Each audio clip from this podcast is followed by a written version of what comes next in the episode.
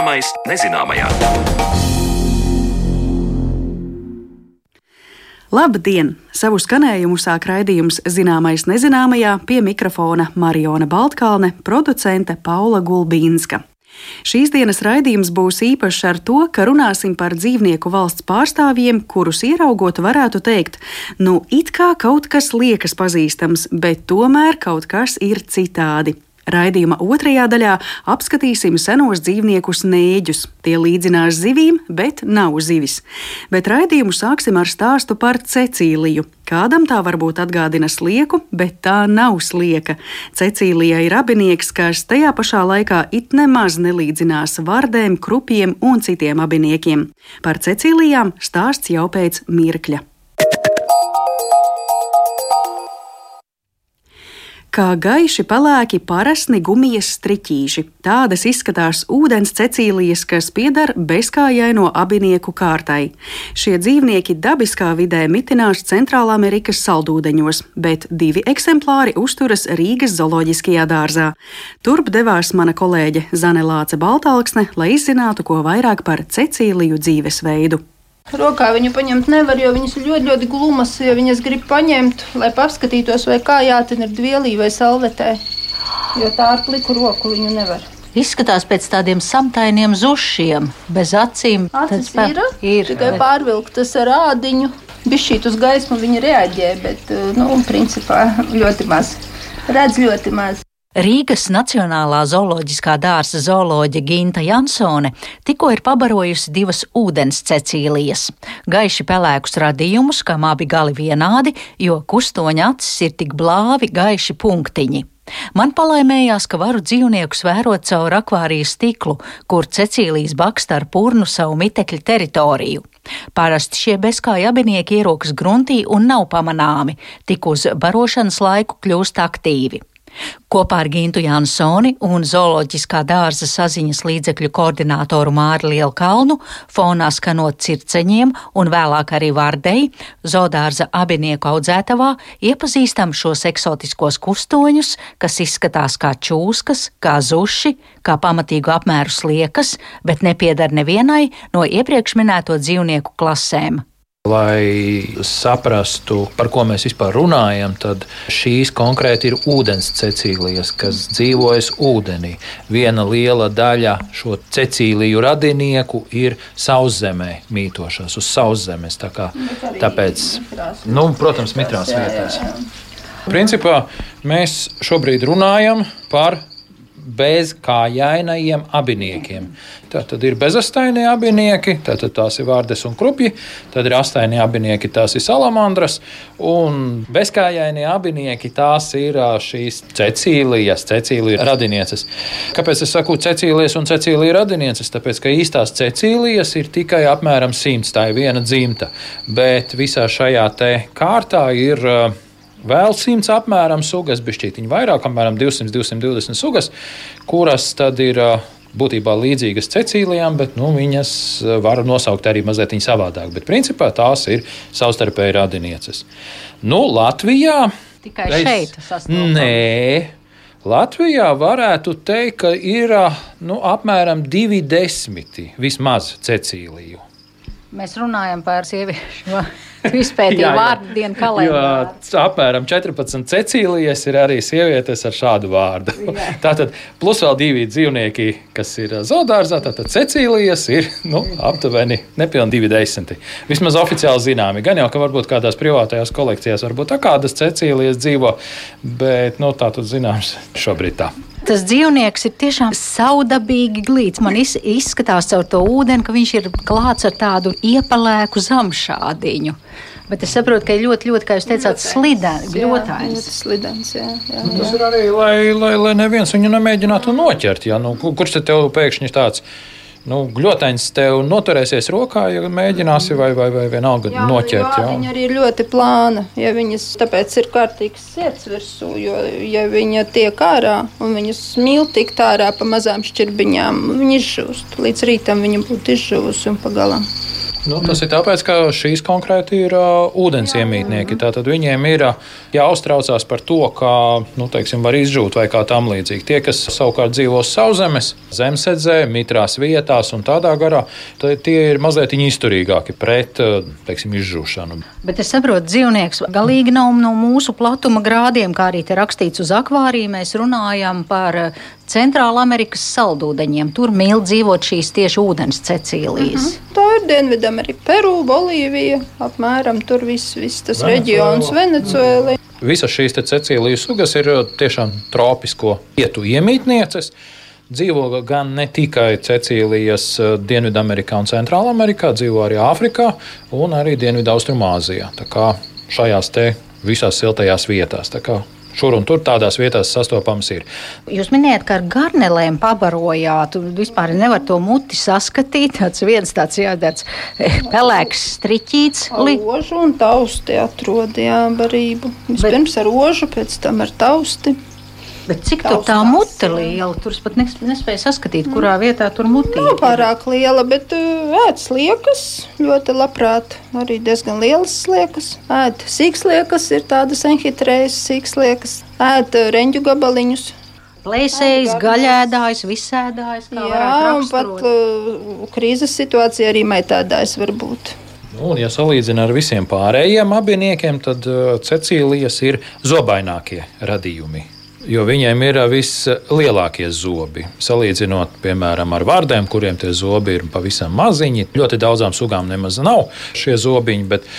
Salamandrām ir mazliet lielāki, bet arī ļoti mazi. Tomēr šīm cecīlijām tie zobi ir diezgan lieli un diezgan pamatīgi, un arī vērsti uz aizmuguri. Pie tām vēl nevis tikai žoklī, Mums laikam jāpaskaidro radio tas nav man uh, vēders, ne, nekur. Jo fonā mums ir tā vārde un čirpstēšana, tā tie circeņi. Tad vārdas un circeņu fonā, skaņu fonā top arī raidījums par cecīlijām. Tās zobi bija vajadzīgi arī tāpēc, lai mazulim žaunas nokostu. Tā kā piedzimst mazulis, tad mātīte viņu sameklē un nokost žaunas, jo tad viņš barojās ar žaunām, pēc tam ar plaušām. Mātīte nokost žaunas un mazulis uzpeld un ielpo skābekli. Tad es saprotu, dzīvdzemdētājs jā, jā, jā, ir. Bet, ja runājam par visu plašo saimi, Cecīliju saimi, tad tur var būt arī citi varianti. Viena daļa sugu, apmēram 25% no visām šīm cecīlijām, ir oldējēji, kuras dēļ olas, jā, un tad ir šie dzīvdzemdētāji. Bet tur jau arī ir uh, oldzīvu dzemdēšana. Tas nozīmē, ka vispirms tā ola tiek izveidota un tā ir ķermenī, bet viņa netiek izdēta, un tad mazais attīstās tajā ķermenī iekšā. Tad, kad pienāk pareizais laiks, tad viņš izšķiļās no olas. Reizēm viņš vēl kādu brīdi paganās tur pa dzimumceļiem iekšpusē, tad viņš pārtiek arī no tās olas pārpalikumiem, un tā tikai nāk laukā. Bet ūdens cecīlijas šīs ir konkrēti dzīvdzemdētājas. Jā, piedzimst ar ļoti skaistām žaunām. Jā. Kādas tās žaunas ir lielas? Jā, jā, viņas ir ļoti skaisti redzams. Mazulis ir apmēram nu, 10 centimetri plus mīnus, un tās žauniņas nu, kāds centimetrs. Nu, grūti pateikt. Nu, tāds kronis uz jā, galvas. Jā, abās pusēs. Un pēc cik ilga laika tā mātīte nokoš? Tūlīt. Tūlīt tikko mazulis piedzimst. Jā, viņa viņu meklē. Mm -hmm. Nu, vismaz mums tā bija, kad mums bija tas gods novērot šo procesu. Nokož? Jā, zobi ir ļoti asi, kā Mārcis teica. tas notiek ātri. Un tad viņš uzpeld jā, un, un ielpo. Bet, ja mātīte viņu neatrod, Kas tad notiek? Tad viņām ar laiku tās žaunas tāpat nokrīt. Tikai tas var sarežģīt viņa ceļu līdz skābeklim, ja tā var teikt. Bet, lai dzīve būtu pavisam interesanta, ir arī dažas cecīliju sugas, kurām plaušu vispār nav. Tās elpo ar visu ādu. Nu, līdzīgi kā nu, daudzos gadījumos citi abinieki. Tā kā arī šāds variants, bet vispār arī šīm pašām ūdens cecīlijām un visām citām cecīlijām, kurām ir, ir tās plaušas. Pareizāk sakot, ir tikai viena plauša, un tā ir labās puses plauša. Jo kreisās puses plauša, līdzīgi kā čūskām, ir palikusi rudimentāra, maziņa, neattīstīta vai vispār tur īsti nav. Un līdz ar to arī nu, strādājoša ir šī viena plauša. Pasaulē no vairāk kā 9,5 tūkstošiem abinieku cecīlijām ir zināmas aptuveni 200 sugas. Dažas no tām ir arī indīgas, un par to signalizē ar ko šo sarkano vai dzelteno ķermeņa krāsojumu. Savukārt tādi kā Rīgas Nacionālā zooloģiskajā dārzā mītošie radījumi un vēl citas cecīlijas sugas neuzkrītošu krāsu, ierokoties ūdens tilpes dūņās vai uz sauszemes augsnē, ar savu slēpto dzīvesveidu maskējas no citiem dzīvniekiem, kuri vēlētos izmantot cecīlijas savā barības sortimentā.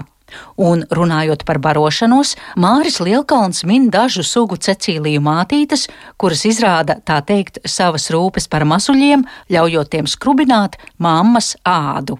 Ēd ādu nost. Ā, nu ēd ādu, ne jau Nu, ēd ādu, jā. Tā ir normāla parādība un normāla lieta, lai mazie izdzīvotu. Jo, kad nāk vairošanas sezona, tad mātītēm ādā palielinās tauku un olbaltumvielu saturs, un tā kļūst biezāka. Nu, un tad, kad šie mazuļi ir izšķīlušies, tad viņiem ir pagaidu zobi, jeb tā teikt, ne piena zobi nevarētu teikt, tie ir ādas zobi. Tās ir lāpstiņas. Tā kā lāpstiņas, 44 gabalas. Un tad viņi ķerās klāt pie mammas un burtiski kasa nost šo ādas gabaliņus. Kasa nost un apēd. Un savukārt eh, mammai tas lielu skādi nedara, jo šī āda kļūst biezāka un speciāli šiem mērķiem ir paredzēta. Līdz ar to viņi vienkārši nokasa šo virsējo kārtu un bez ādas, protams, neatstāja. Bet nu, mazie ir paēduši kaut kādu laiku, un, un tad, kad ir paaugušies pāris mēnešus, nu, tad arī var eh, doties tālāk savā gaitās. Nu, tad mammai šis masāžas periods ir beidzies. Un tad viņi arī var iegūt savus tradicionālos zobus, kas pieklājās jaunajām cecīlijām, nu, un tad arī var doties tālāk. Mūsu zoodārzā ūdens Cecīlijas mīt kopš 1996. gada, un savulaik bija novietots arī tropu mājā, bet slēptā dzīvesveida dēļ apmeklētāji tās varēja pamanīt tik barošanas reizēs. Tagad divi esošie Cecīliju tēviņi mīt, kā jau sākumā teicu, abinieku audzētavā. Cecīlijas iepazīt palīdzēja Rīgas Nacionālā zooloģiskā dārza saziņas līdzekļu koordinators Māris Lielkalns un zooloģe Ginta Jansone.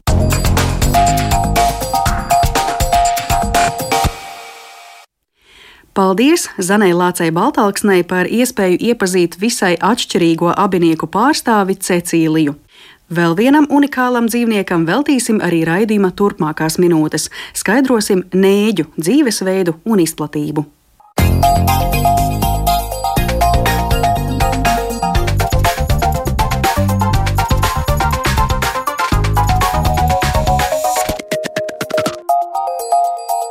Zināmais nezināmajā. Nēģis nav zivs. Tas ir neparasts dzīvnieks, kas īpaši nav mainījies 380 miljonu gadu senā vēsturē. Mūsdienās nēģis ir delikatese, un to zveja aizvien ir kultūra vēsturiska tradīcija dažos pie jūras ciemos. Ko zinām par šiem apaļmutniekiem? To visu pētīsim kopā ar Pārtikas drošības, dzīvnieku veselības un vides zinātniskā institūta biora pētnieku Kasparu Abersonu, kurš šodien mūsu viesis studijā. Labdien, Kaspar! Sveicināti! Es domāju, ka vislabāk būtu sākt ar visvienkāršāko. Varbūt arī tas nav pats vienkāršākais jautājums, kas ir nēģis. Es jau esmu minējusi, ka tā nav zivs, un no tāda klasifikācijas viedokļa esmu piesaukusi dzīvnieku valsti. Tas tā kā būtu skaidrs, un arī jēdzienu apaļmutnieks. Vai jūs mums tālāk varētu palīdzēt saprast nēģa atrašanās vietu šajā plašajā dzīvnieku valstī? Kādām tad grupām tas ir piederīgs? Kam radniecīgs. Vērtības labad mēs varētu sākt ar to, ka nēģis ir anadroma ceļotāja zivs. Tas ir tāds zivs, kas barojas jūrā un nārsto saldūdeņos. Piebildīšu, ka mēs runājam par upes nēģi. Un, kad nu, tas ir pateikts, tad sākam runāt par sistemātiku. Un sistemātika ir tāda viena traka lieta. Tieši tāpēc viņa ir, lai cilvēki labāk saprastu, par ko runāt, kur kas atrodas, kā jau jūs minējāt, kur kā to vislabāk ierindot. Un arī tā ir dzīve zinātne. Tas nav tā, ka 1700. kurā gadā onkulis kaut ko izdomāja, un tā arī paliek. Nebūtu, nē, tas viss turpinās uz priekšu. Un ir tagad divas skolas, ja mēs runājam tieši par nēģiem. Ir divas skolas, divas versijas. Viena ir tā, ko jūs minējāt, jā, ir virsklasē apaļmutnieki, kurā ietilpst neģi un miksīns, nu, un tad ir zivis. Un otra skola saka, ka tas nav gluži pareizi, ka nēģis ir nēģis, miksīna ir miksīna, un kauzivs ir kauzivs, un skrimšzivs ir skrimšzivs. Un tā dalīšanai pieeja citādāk, un saka, ka zivis ir nevis sistemātiska vienība, nu, tīri no akadēmiskās sistemātikas viedokļa. Bet zivis ir bioloģiska vienība. Tie ir ūdens organismi, kas dzīvo galvenokārt ūdenī, elpo galvenokārt ar žaunām. Ir mugurkaulnieki, un, ja tiem ir locekļi, tad šiem locekļiem nav locītavu. Un šeit neģis pilnībā iedarās, absolūti viņš dzīvo ūdenī, elpo ar žaunām, nekādu locītavu viņam nav. Un arī tīri no likuma viedokļa. Neģis ir zivs. Pret viņu zvejniecības likums un citi likumi, kas saistīti ar zvejas regulēšanu, attiecas pilnīgi un absolūti kā pret zivi. Tad eh, sanāk, ka jūs eh, principā ar pirmo teikumu esat apgāzis visu, ko es pati līdz šim par nēģi uzskatīju, un ko mēs arī raidījuma pieteikumā esam teikuši tā ļoti pārliecinoši, ka nē, nēģis nav zivs, bet jūs pirmajā teikumā nēģis ir anadroma zivs. Nu, viņš nav zivs, viņš ir zivs. Jā, šī ir lieta, kam cilvēki vienmēr ļoti pieķerās, bet es, es galvenokārt orientējos uz pielietojumiem, pētījumiem, uz ekoloģiskiem pielietojumiem, kā zivsaimnieciskiem, un, un šis jautājums man vienmēr ir tramdījis. Man, ja godīgi, ir diezgan vienalga, kurā ailītē mēs viņu ierakstām. Svarīgāks jau ir tas, kas viņš ir, kā viņš uzvedās, kā mēs viņa resursus izmantojam, kāda ir viņa ilgspēja. Nu, tas manā skatījumā ir svarīgāk nekā kā mēs viņu apskaukāsim. Bet Tas ir pilnīgi leģitīms, pareizs viedoklis. Tā mācās skolā, tā mācās arī universitātē. Ir apaļmutnieki un ir zīves, un mēģis ir pilnīgs apaļmutnieks. Jā. Nu, tad es turpināšu ar jautājumu, ko nozīmē apaļmutnieks. Tas nozīmē vienkārši apaļa mute, vai tur iekšā ir eh, vēl kaut kas specifisks. Pilnīgi noteikti viņam ir apaļa mutne, viņa mute ir kā piesūceknis, tur iekšā ir zobi, pēc tiem zobiem nosaka nēģu sugu pēc zobu izvietojuma, jo caurmērā tas viss pārējais viņam ir diezgan plastisks. Viņam, protams, ir horda. Viņi var pieskaitīt pie mugurkaulniekiem, bet, kā mēs zinām, viņi var ņemt no viena gala un ēst nost, un nekas nedurās kaklā, un nekāda asaka viņam nav. Tā tās ir tādas stabilākās struktūras, kas viņam saglabājas nu, faktiski visu pieaugušā īpatņa dzīves periodu. Kāpēc es par to runāju? Jo kāpura stadijā viņam nekādu zobu nav. Un viņam mutē arī nemaz nav tik apaļa, viņa vairāk ir kā kapucīte. Un tā horda, ko jūs minējāt, tas ir tas mugurkaula veidojums, vai ne? Tas ir tas mugurkaula veidojums tikai bez atsevišķiem skriemeļiem. Un, bet, nu, savā ziņā mugurkauls citādāk jau nepieskaitīt pie mugurkaulniekiem. Bet tā tad eh, mutē ir zobi, mutē ir mēle, bet nesot žokļu. Mm -hmm. Žokļu nav pilnīgi noteikti. Kas nu nav, tas nav. Ir vēl kaut kas varbūt īpašs nēģa uzbūvē, piemēram, maņu orgāni, ķermeņa gļotas, ķermeņa izmērs vai kas tam līdzīgs ķermeņa izmērs pilnīgi noteikti nē. Ja caurmēra, nu tā kā pats vidējākais, vidēji vidējākais upes nēģis ir kādi 35, 36 centimetri, nu, tas man liekas, ir ļoti vidēji, vidējs arī zivīm kopumā. Nu, ja mēs ņemam zivis sugas, kas izaug labi līdz 10 centimetriem, un ir zivis sugas, kas izaug līdz metram ar astīt, nu, tad tie 35 būs tieši kaut kur aritmētiskais vidējs. Un nēģis, protams, ir īpašs, jūs jau minējāt, viņš ir sens organisms. Viņam žaunas neatrodas zem žaunu vākiem, viņas nevirinās, viņš nesūdz ūdeni pa muti un neizlaiž caur žaunu vākiem. Savā ziņā viņš ir citādāks. Jā, protams, arī zvīņu viņam nav, arī asaku nav, kā jau es minēju. Bet daudzajādā ziņā viņš tomēr ir zivs. Nu, kaut vai tāpēc, ka viņš dzīvo ūdenī, ka viņš migrē no jūras uz saldūdeņiem, tāpat kā lāša taimiņa vimbas un citas sugas. Nu, viņš tikai ir ļoti, ļoti citādāka zivs. Mm, un spūras kādas arī ir. Ja? Spūras kādas arī ir, bet viņam nav pāris spūru. Nu, jo zivīm, nu, ne visām, protams, bet ļoti daudzām zivīm, vairumam ir pāris puras. Nu, viņiem ir, protams, tās, kas iet pa muguru un anālā, un citas, kas ir pa vienai. Bet ir vēdera un krūšas puras, kas ir pa diviem, un nēģiem nekā tāda nav. Viņiem ir viena uz muguras, viena uz vēdera un viss. Jā, es gribētu paturpināt arī to stāstu par um, nēģa evolūciju. Es jau arī sākumā minēju, ka nēģis īpaši nav mainījies 380 uh, miljonu gadu senā vēsturē, proti, tik senas ir nēģa fosīlijas. Tiešām var tā teikt, ka tāds nēģis, kāds bija pirms tiem daudziem miljoniem gadu, tāds tas ir mūsdienās. Precīzāk izsakoties, cik daudz mēs varam izsakot līdzi tai nēģa evolūcijai. Ar nēģa fosīliju pētīšanas evolūcija ir diezgan grūti. Jo mēs jau runājām, nēģis ir tāds dzīvnieks, kam kaut kas no kaula ir tikai mutē, un vēl šur tur un nekas daudz tur nesaglabājas. Tagad tie galvenokārt ir dažādi nospiedumi un tā. Un jā, to, protams, var pateikt, jā, ka viņš ir aptuveni tāds anatomiski saglabājies. Tā nēģa evolūcijas pētniecība patiesībā lielā mērā notiek skatoties viņa fizioloģiskos procesus un pētot arī nēģa ģenētiku. Tīri lai saprastu sakarības starp dažādām neģu sugām, viņa attīstīšanos un progresu. Tās ir ļoti specifiskas, pilnīgi atsevišķas zinātnes nozares. Es zinu, ka cilvēki pēta daudz un dažādi, pa laikam paskatos, kas ir izpētīts. Mēs runāsim par dzīves ciklu, un tad mēs runāsim arī par pāru sugām. Un diezgan svarīgs jautājums arī, kam pievēršās akadēmiskā neģu pētniecība, ir par tām pāru sugām. Kura no sugu pāra bija pirmā, kā attīstījās tā otrā, kāpēc un tam līdzīgi. Vai tas ir obligāti, jo visiem neģiem nav pāru sugas. Jā, par sugām tad arī tieši turpināsim. Vispirms noskaidrojot, kur nēģis vispār ir sastopams. Noteikti zināms, ka kaut kas ir Latvijā, vai tas ir tikai Eiropā, vai mēs par visu pasauli runājam. Par nēģiem vispār, ja mēs runājam, tā ir gandrīz visa pasaulē. Ja mēs runājam par upes nēģi, par to, ko pie mums ķer cepu nēdu, tā ir Baltijas jūra, tā ir Atlantijas okeāna piekraste, un, protams, arī upes, kas tur ietek. Un vidusjūra, iespējams, arī Adrijas jūra. Nu, kādreiz viņam populācija bija drusku plašāka, tagad viņa saraujas ziemeļu virzienā, mēs esam areāli ziemeļgalā, mums ir diezgan labi, kas ir vairāk uz dienvidiem un rietumiem, tur ir grūtāk. Bet uh, Latvijā tad ir tikai viena šī suga upes nēģis. Latvijā ir četras. Četras. Kādas Vis, vismaz vēl ir? divas, vismaz divas. uh, viena suga es jau visu laiku velku uz tām pāris sugām, Jā. un viena tāda absolūti sastopama un ļoti izplatīta suga. Upsneģis arī ir ļoti izplatīta suga pie mums. Otra suga, kas pie mums ir, ir, ir upsneģa pārsugas, tā rautanēģis, kas arī ir ļoti izplatīta. Un tad ir uh, numur trīs jūras nēģis. Viņa izplatības areāls ir Atlantijas okeāna piekraste un ietekošās upes, pie kam gan Amerikas galā, gan pie mums. Uh, un, ja Eiropā viņa aizsargā, tad amerikāņi cenšas iznīdēt. Bet reizēm viņš ieklīst arī Baltijas jūrā, un reizēm ieklīst arī kādā mūsu upē. Kā, nu, viņš var būt pie mums sastopams, bet nu, kā normāla ihtiofaunas daļa viņš droši vien īsti nav. Un tad ceturtais ir Ukraiņas strauta nēģis.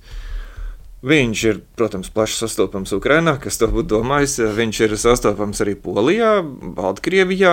Mani lietuviešu kolēģi, pētot nēģu ģenētiku, nejauši atrada DNS materiālu, kur teica, ka tas laikam nāk no Ukraiņas nēģa. Mums bija līdzīgi.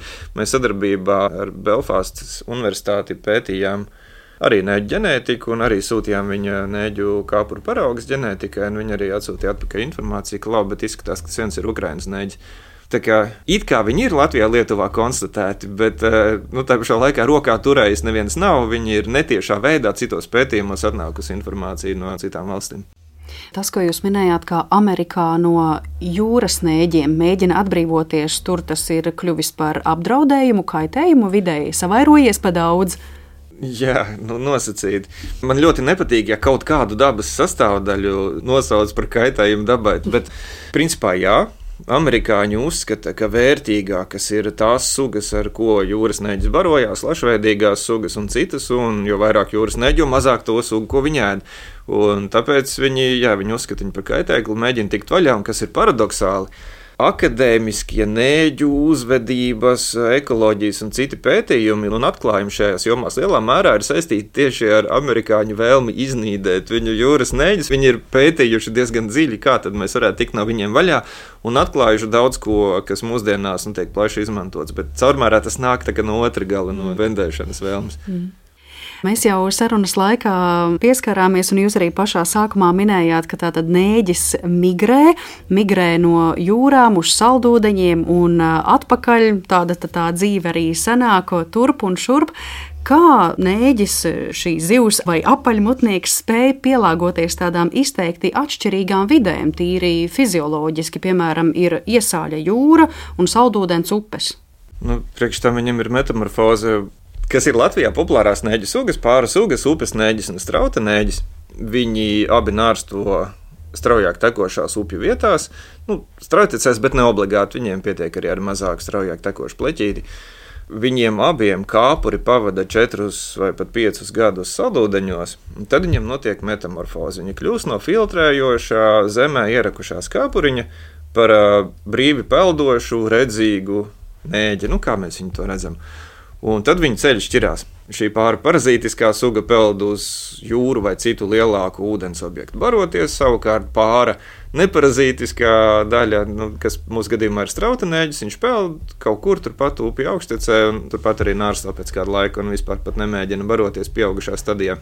Abas, un faktiski visas zināmās nēģu sugas pēc nārsta iet bojā Tā kā tur tāds turpu šurpu sanāk tikai tad, ja mēs skatāmies no saldūdeņa puses. Viņi turp uz jūru un šurpu atpakaļ, bet ja mēs skatāmies no jūras, tad ir tikai turpu un šurpu vairs neseko.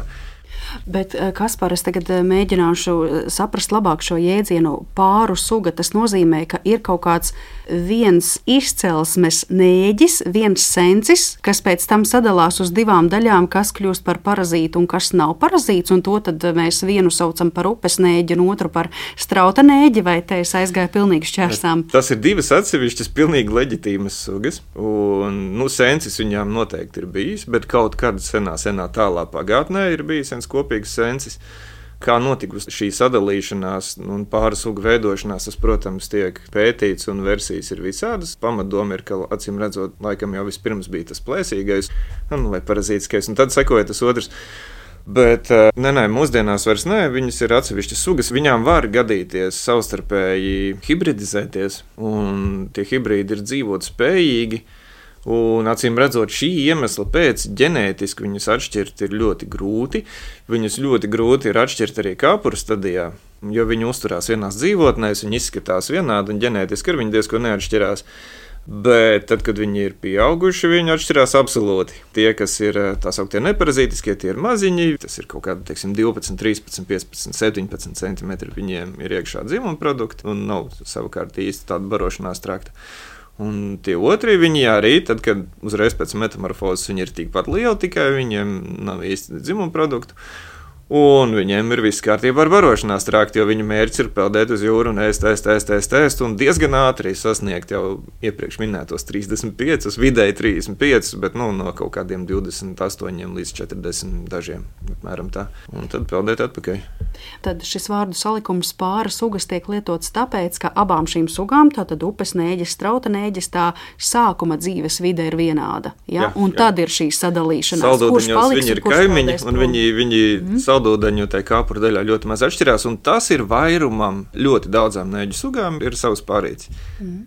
Tad par jūras nēģi mēs varētu pieņemt, ka process ir pretējs, ka tur no jūras šis ceļš aiziet uz upi un atpakaļ uz jūru. Nē, nē, nē, nē. Tā tas nav. Tas ir vienkārši sugas nosaukums. Viņš ir jūras nēģis, bet uh, visa viņa būtība ir tieši tāda pati. Viņš nārs to saldūdeņos, tur viņa kāpurs auga, auga, auga, tad viņam ir metamorfoze, viņš peld uz jūru baroties. Visādi citādi viņš ir eh, pilntiesīgs un parasts nēģis. Viņš tikai saucas jūras nēģis. Un jūras nēģim pāri suga nav zināma. Tāpat kā Ukrāņu strautnēģim pieminētajam, nu, tas ir strautnēģis, viņš nebarojās, un arī viņam tā pāri suga nav identificēta. Arī zinātnieki strīdās, nu, kurā brīdī viņa pazuda un kāpēc. Un vai viņa vispār ir bijusi, un ja ir, tad kur? Un, Jā, mazliet eh, šis nosaukums var mulsināt. Upes nēģis, jūras nēģis. Ar tā palīdzību gribētos uzreiz kaut kā prātā salikt tādu kārtību. Aha, tur sākas dzīve, tad tas migrē, tad tas atgriežas atpakaļ un otrādi. Bet patiesībā viss ir vēl vienkāršāk, tikai nosaukuma atšķirības. Ikurātā. Jā. Kā teiksim, ar šīs upes vai jūras uh, atrašanu, vai tur arī kaut kā palīdz to nēģu maņu orgāni, ka viņam ir tagad jādodas tieši tajā virzienā, un kā tas saprot, jā, es esmu nonācis tur, kur man ir jābūt? Šis ir labs jautājums. Mēs runājot par ceļotāju zivīm. Nu, tās ir zivis, kas peld starp jūru un saldūdeņiem. Un parasti, domājot, ceļotājs zivs, mēs domājam, anatromās sugas, kas jūrā barojās un nārsto saldūdeņos. Mums ir pieņemts uzskatīt, ka viņām ir homings. Tas ir tas instinkts, kas viņām liek atgriezties uz nārstu savā dzimtajā upē, kam ir absolūts evolucionārs pamats. Ja viņš tur ir izaudzis, tad tur var izaugt tādas sugas dzīvniekus un nārstot, tad viņam ir pamats tur atgriezties. Tas ir tas, kas neģim nepiemīt. Viņš var atgriezties uz nārstu dzimtajā upē. Nu, viņam nav tik aizspriedumi pret to, bet viņam ir diezgan vienalga, vai tā ir dzimtā upe vai tā ir cita upe. Un neģim tas orientācijas mehānisms ir diezgan sarežģīts. Un viens no svarīgiem elementiem, kas viņam liek izvēlēties to vai citu ceļu, ir nēģu kāpu izdalītie feromoni ķīmiskas vielas. Jā, jā, jā, jā, jā. un tā evolucionārā loģika ir, ir arī ļoti spēcīga, bet citādāk nekā lašiem un taimiņiem. Ja tur ir manas sugas pēcnācēji, tā tad tur nēģis un ārstot un vairoties tādā ziņā. Bet tas nav vienīgais. Tas arī ir saldūdens ienese jūrā, tā kā vispār viņš sajūt saldūdeni kā tādu. Tas pieļauj arī sezona, kaut kādas dienas garam vai kas ļoti daudz kas. Un nēģu migrācija jūrā ir diezgan maz zināms maz pētīts un maz skatīts. jautājums. Bet tā pamatdoma ir tāda, ka viņi pārvietojās kaut kādā nosacītā attālumā, nu, ne ļoti lielā, ne ļoti mazā. Un tajā brīdī, kad viņš jūt, ka nu, tagad tas brīdis ir klāts, man ir jāpeld uz nārstu, nu, viņš var būt pie gandrīz jebkuras upes. Un tā tā neģu populācija jaucās. Bet Amerikā ir pētījumi par citu neģu sugu, ka abi gali tajā populācijā gandrīz nejaucās. Tur jau var ģenētiski atšķirības pamanīt. Bet eh, tā daļa, kas ir tuvāk vienotrai, nu, tā ik pa laikam apmaisās un viņi ir ģenētiski līdzīgi. Kaut kas līdzīgs briest Baltijas jūrā, es ceru, ka sanāks. Runas ir eh, ik pa laikam, varbūt, ka vajadzētu, un iespējams, ka kāds radīs finansējumu un uz to pasiet. Bet uh, par šo nobraukto attālumu, tad, piemēram, kā sanāk, ja mēs runājam par upes nēģi, cik tāls ir tas pārvarētais attālums uh, no upes līdz jūrai un atpakaļ, cik lielā distancē šie feromoni tiek sajusti? Ja mēs runājam par migrāciju saldūdeņos, nu tad eh, Latvijā viņi var eh, attāluma ziņā migrēt jebkur. Ja viņi kaut kur netiek, tad drīzāk tas ir jautājums par migrācijas šķēršļiem, dzirnavu aizsprostiem, hēsiem, visādām caurtekām, citām nelaimēm. Ne par to, ka nēģis tur fizioloģiski varētu negribēt, vai tas viņam būtu pa tālu. Man, šķiet, ka Latvijas mērogā mēs par to īsti nevaram runāt.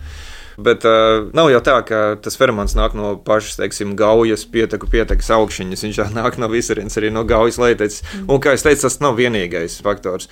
Jā, šo starp citu izstrādāja arī Amerikā ar domu, ka mēs tagad viņus sintēzēsim, un tad mēs viņus kaut kur iebērsim, ieliesim, un tad viņi visi peldēs, un tā būs slikta vieta nārstam, un tad tie jūras neģi nevairosies, un tā mēs pa daļai tiksim no viņiem vaļā. Viss izdevās, kamēr bija laboratorijā, viss bija labi. Tiešām tika pierādīts, ka nēģiem interesē, ka viņi iet, izvēlas to ceļu, bet dabā tas tik vienkārši nebija. Tur iestājās arī citi faktori. Un... Un tad sanāk, ka tas posms var būt diezgan pamatīgs. Piemēram, ja par upes nēģi mēs runājam nu, Latvijas mērogā, tad tā jūra, ko tas var sasniegt, iziet jau arī ārpus Eiropas kontinenta. Pat tā var būt, vai ne?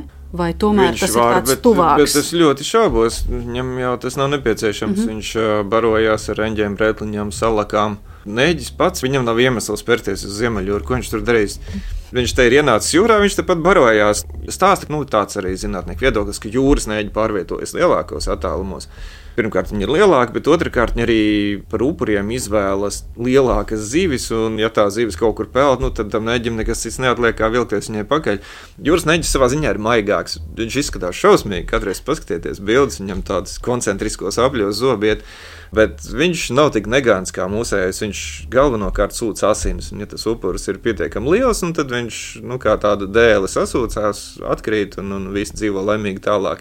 Nu, tikai nēģis ir aizvilkts uz diezinu, kurien mūsējais ir nešpatnis. Viņš var uzbrukt un graust un izkost sirdi un, un visādas citas nejaucības darīt. Un viņam arī tie objekti ir mazāki, tā kā iespējams viņš netiek aizvilkts kaut kur. Mēs esam taisījuši neģi iezīmēšanas pētījumus e, ik pa laikam, lai mēģinātu saprast viņu migrāciju un orientēšanos jūrā. Un mūsu rekordisti, kas mums ir bijuši, ir aizskrējuši, nemaldos, no Daugavas uz Pērnavu Nu, mēs iezīmējām, izlaidām kaut kur šeit pie gaujas un noķēra Igaunijas zvejnieku Pērnavas upē. Mm -hmm. Tā kā tāms jebkurā gadījumā papraus. Cik tad uh, ilgs ir tas dzīves posms, ko piemēram tādi kāpuriņi uzturas uh, upē, un uh, cik laiks paiet jūrā un atpakaļ? Vai tas arī mērīts? Dzīves cikls ir aptuveni seši gadi. Nomērīt ir pagrūti. Zivīm ir iekšā tādi palieli kaulu veidojumi, motulīti, kur paliek redzami kā kokiem, un tad tur var vienkārši saskaitīt Neģiem tas ir drusku grūtāk. Viņiem ir kaut kas līdzīgs satelītiem, ko sauc par satelītiem, bet viņi ir pagalam maziņi. Un, nu, mēs Latvijā vēl neesam līdz tam pieķērušies, bet cilvēki ir ar viņiem strādājuši kaut kādā. Un tad, kad viņam ir metamorfoze, kad viņš kļūst no kāpura par lielo dzīvnieku, viņam viss restartējās, viņam pazuda satelīti ar visiem gredzeniem. Tā kā noķert nēģi un saskaitīt, cik viņam gadi īsti nevar, bet tāds zinātniskais konsensus ir, ka seši apmēram gadi ir dzīves cikls, kaut kādi 4-5 ir kāpura stadija, un tad viens, divi ir jūrā barošanās. Par to barošanos es gribēju vēlreiz pieskarties. Jūs jau mazliet tādas eh, šausmainas uzbūrāt par to, kāda izskatās šī nēģa mute, bet eh, es ticu, ka tā barošanās, ko ēda mazie, ko ēda kāpuri, kurus sauc par ņurņikiem, ja, ir atšķirīga no tā, ko ēda pieaugušie. Tādas šausmu stāstus vēl uz mazajiem mēs neatiecinām. Nē, nē, nekādā gadījumā. Nēģis normāli barojās tikai kāpura stadijā, kad viņš ir pieaudzis. Viņš vairs nebrojas, un kāpura stadijā viņš ir filtrētājs. Viņam mute vairāk atgādina kapuci, un viņš ir ieracies zemē, izveidojis savu aliņu. Tur viņš sēž un filtrē, un sēž un filtrē. Un, nu, ko nu viņš iefiltrē, to viņš dabūna. Tas var būt detrīts, dažādi organiskās vielas, tas var būt aļģis, tie var būt pat kaut kādi ļoti maziņi ūdens organismi. Viņš, kā saka, mēdz arī apgremot kaut kādu organisko plēvīti, kas ir riņķi kaut kādiem objektiem. Un tāpēc viņš aug ļoti lēni. Viņš tajos četros gados izauga nu, līdz 10 centimetriem. Nu, 12. Nu, 12 tas jau ir piektais gads visdrīzāk. Un tad pienāk tas brīdis, kad tas piesūcas citiem organismiem. Jā, jā, kad viņš saprot, ka nu pat es esmu liels un tagad es peldēšu uz jūru. Tur jau tas process notiek ātrāk, ja viņš ir grāmu divus smags pēc metamorfozes un savus 10 centimetrus garš, nu tāda maza desiņa. Tad jau pēc gada jūrā viņš jau ir 20, varbūt vairāk centimetri un svarā ar kādus 50 vismaz gramus. Nu jā, bioloģijas mācību grāmatās, kur nēģi acīm redzot joprojām dēvē par apaļmutnieku, šī fotografija arī ir parasti priekšplānā. Ļoti uzskatām ar nēģi šo lielo muti un tiem um, zobiņiem, tām plātnītēm, jā, lai parādītu, kāds nēģis varbūt arī briesmīgs, piesūcas pie zivs, izdala indi, izsūc orgānus, vai pareizi, ka nēģi tad uh, dēvē arī par pusparazītu? Šis ir lielisks termins. Šis ir perfekts termins. Es tagad viņu tā vienmēr saukšu. Vispār pasaules zinātnē viņus pieņemt saukt par parazītiem. Nu, ir parazītiskā suga un ir neparazītiskā suga. Man tā parazītiskā suga vienmēr ir drusku kritusies nerviem. Man liekas, nu, kāds pie vēlna parazīts, kurš uzklupa un izkož sirdi, tas taču ir nepareizi. Turmāk saukšu par pusparazītiem. Tieši tā kur būtu tā atšķirība novelkama pusparazīts, parazīts. Zināmā mērā jau varētu tiešām teikt arī vienkārši parazīts, nu, atņem zivīm kaut ko. Ja viņš iekošās lipā, tad viņš ir parazīts, ja viņš iekošas otrā galā, nu, tad viņš laikam ir plēsoņi, nu, tad, tad pusē. Bet ir mūsējie, ir, ir nēģa sugas, kas tiešām lielākoties aprobežojas ar asinas sūkšanu, nu, tad viņš ir tāda milzīga dēle un lai paliek par parazītu. Mm. Nu, turpinot šo šausmu stāstu, tad cilvēkiem varētu rasties jautājums, vai arī cilvēkiem nēģis var piesūkties. Var, var. Kā, var? Ne, kāpēc viņš nesūktos? Bet, ja tas ir iekšūdeņos, nu, tad tas cilvēks visdrīzāk ir sajaukts ar akmeni kaut kādu. Jo nēģu nārsta migrācija ir ļoti ilga. Viņa sākas augustā, apmēram, un nārsts ir maijā. Un tie nēģi, tāpēc viņi tiek ļoti tālu. Viņi migrē pamazām, pamazām, pa nakti viņi peld, pa dienu viņi taupa enerģiju, viņi kaut kam piesūcās un sēž. Un, ja kāds ir ielīdis upē un sēž, tad pilnīgi mierīgi neņķis ir izdomāt, ka viņš ir akmens un piesūkties. Bet tas nav uzbrukuma mēģinājums. Ir dzirdēts par nēģiem, un tie ir galvenokārt jūras nēģi, kas ir jūrā gan mēģinājuši kādam uzbrukt. Jo, nu, tas ir lielāks dzīvnieks, viņš medīja lielākas zivis, un tad viņam likās, ka, o, šī ir zivis, es tagad viņu ēdīšu. Bet tie ļoti, ļoti reti gadījumi. Tas cilvēks noteikti nav tas viņa pamata barības objekts. Un, nu, nav jau arī prātīgi uzbrukt objektam, kam ir rociņas. Viņš ar rociņu var noraut nost un sazina, ko nodarīt. Tā kā labāk ir zīvi. Nu, mēs te līdz šim runājām par šausmu stāstiem, bet patiesībā, ja palasa to nēģa dzīves ritējumu, tad ienāk arī tāds skumjš stāsts. Jo, kā es saprotu, nārsta ceļojumā laikā nēģi vairs nebarojas, tie izmanto jūrā uzkrātās tauku rezerves, un tad arī tie zobiņi, tās plātnītes eh, mutē atrofējas, un tad arī nēģi kļūst tādi vieglāki, īsāki. Nu, beigas ir tādas varbūt netik priecīgas. Es nezinu, kas nu katram ir priecīgs, kas nē. Nu, nēģim, ja viņš tiek līdz tai savai lielajai orģijai, tad droši vien viņa beigas ir priecīgas. Nu, tad gan viņš droši vien sēž un gaida, kad nu, izslēgsies sistēma, jo nu, īsti jēgas viņa eksistencē vairs nav savu misiju tas ir paveicis. Ja misija nepaveic, tad droši vien ir skumīgi. Jā, ir jā. pavisam skumīgi. Jā. Bet eh, vai pašiem nēģiem arī ir kādi draudi? Nu, galvenais jau mēs paši. Cilvēks. Suga cilvēks ar visām sugas cilvēks izdarībām, jo nav īsti priekšnoteikumu, lai nēģu populācija uzlabotos pašlaik. Nu, viens ir tas, ka mēs viņus ķeram un ēdam. Kamēr tas notiek likumīskā veidā, tā ir salīdzinoši maza bēda. Neģis var sadzīvot ar diezgan lielu nozvejas spiedienu. Kamēr viņš ir tādās kaut kādās kontrolētās robežās un kontrolētās vietās, mēs varam ar to sadzīvot. Un neģa populācijas uzplaukumam ir priekšnoteikumi joprojām. Tas, kas viņu visvairāk ietekmē, tas ir upju sabeigšana. Viņam ir svarīgas, kvalitatīvas, brīvi tekošas, neaizsprostotas, nepiegādātas un visādi citādi labas upes.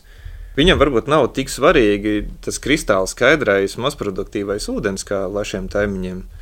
Kamēr ir cik necik skābeklis, neģim patiks, viņam varbūt būs vairāk ko filtrēt, viņš vēl ātrāk augs. Bet uh, viņam ir svarīgi, lai saglabātos upju hidromorfoloģija, tas ir nu, izskata apstākļi, formas apstākļi, lai viņam būtu kur ierakties, lai viņam būtu tie dabiskie veidojumi, kur upes straumi mainās un pienes viņam ko filtrēt, gan arī hidroloģiskie.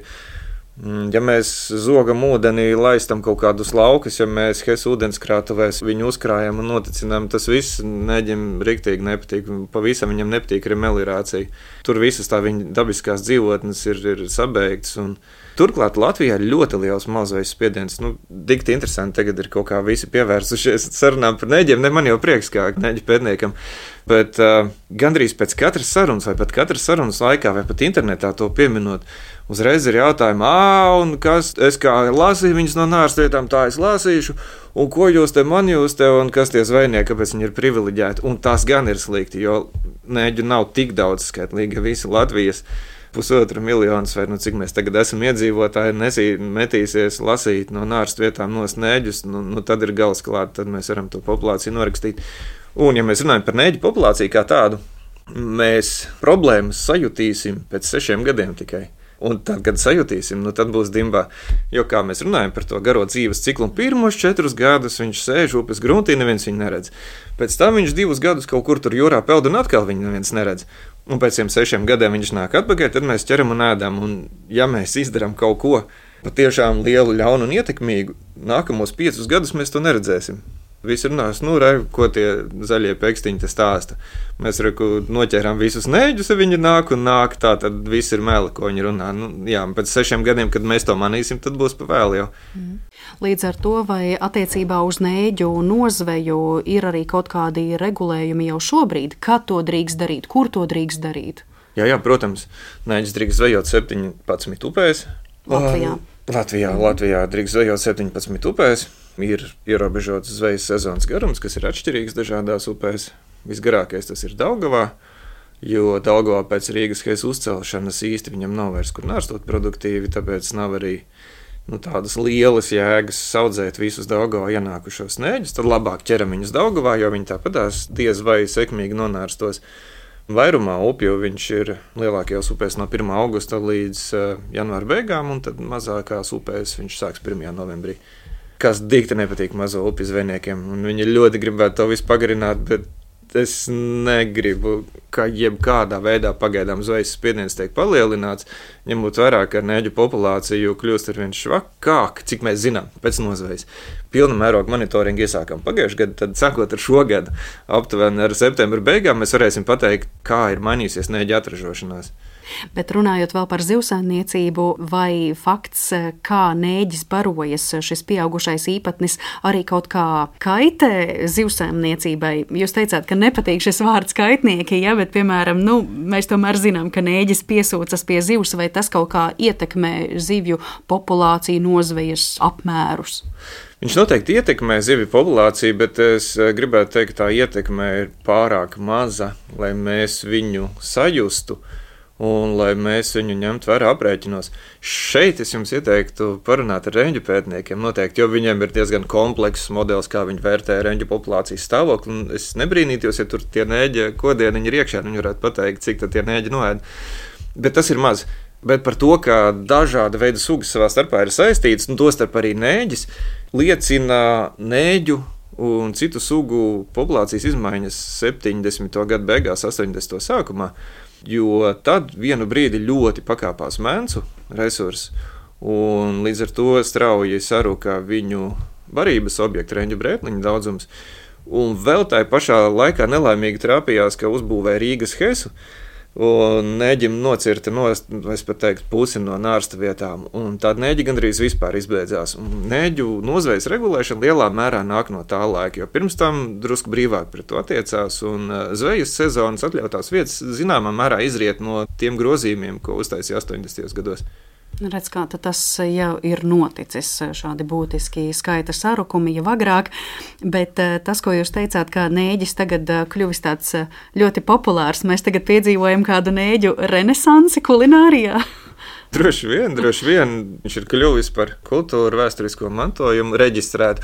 Viņš jau ir bijis vienmēr tas kultūra vēsturiskais mantojums. Tas, ka kāds nav aizgājis reģistrēt, jau nenozīmē, ka viņš nebija. Nu, skaidrs, ka viņš ir bijis vienmēr un ilgu laiku. Pats arī esat iemīļojis savā ēdienu kartē? Nē, nē piedošana. Nē, es neesmu no tiem, kas neģi vispār nevar iest un, un skrien prom, bet nav, nav tas iecienītākais objekts. Kaspar, es saku lielu paldies par šīs dienas sarunu, ka jūs viesojāties mūsu studijā un izgaismojāt daudzus un dažādus aspektus no nēģu dzīves, par to, kā tas auga, barojas, attīstās, un arī par to, kā mums galu galā nēģis, zivs vai varbūt tomēr apaļmutnieks būtu jāsaudzē un jāsaglabā. Atgādināšu, ka mūsu viesis šodien bija pārtikas drošības, dzīvnieku veselības un vides zinātniskā institūta biora pētnieks Kaspars. Abersons. Paldies jums par sarunu. Ja nu gadījumā šīs sarunas laikā starp mūsu vārdiem un teikumiem ienāca kāds rūciens, dūciens, tad atvainojamies, jo Latvijas radio mājā notiek arī remontdarbi, bet ļoti ceram, ka tas nekādi netraucēja jums uztvert mūsu stāstu par nēģiem. Un par šo raidījumu gādāja producente Paula Gulbīnska, par mūziku parūpējās Girts Bišs, skaņu režijā bija Kristīne Delle un Mariona Baltkalna pie mikrofona. Uz tikšanos atkal nākamajā raidījumā un visu labu!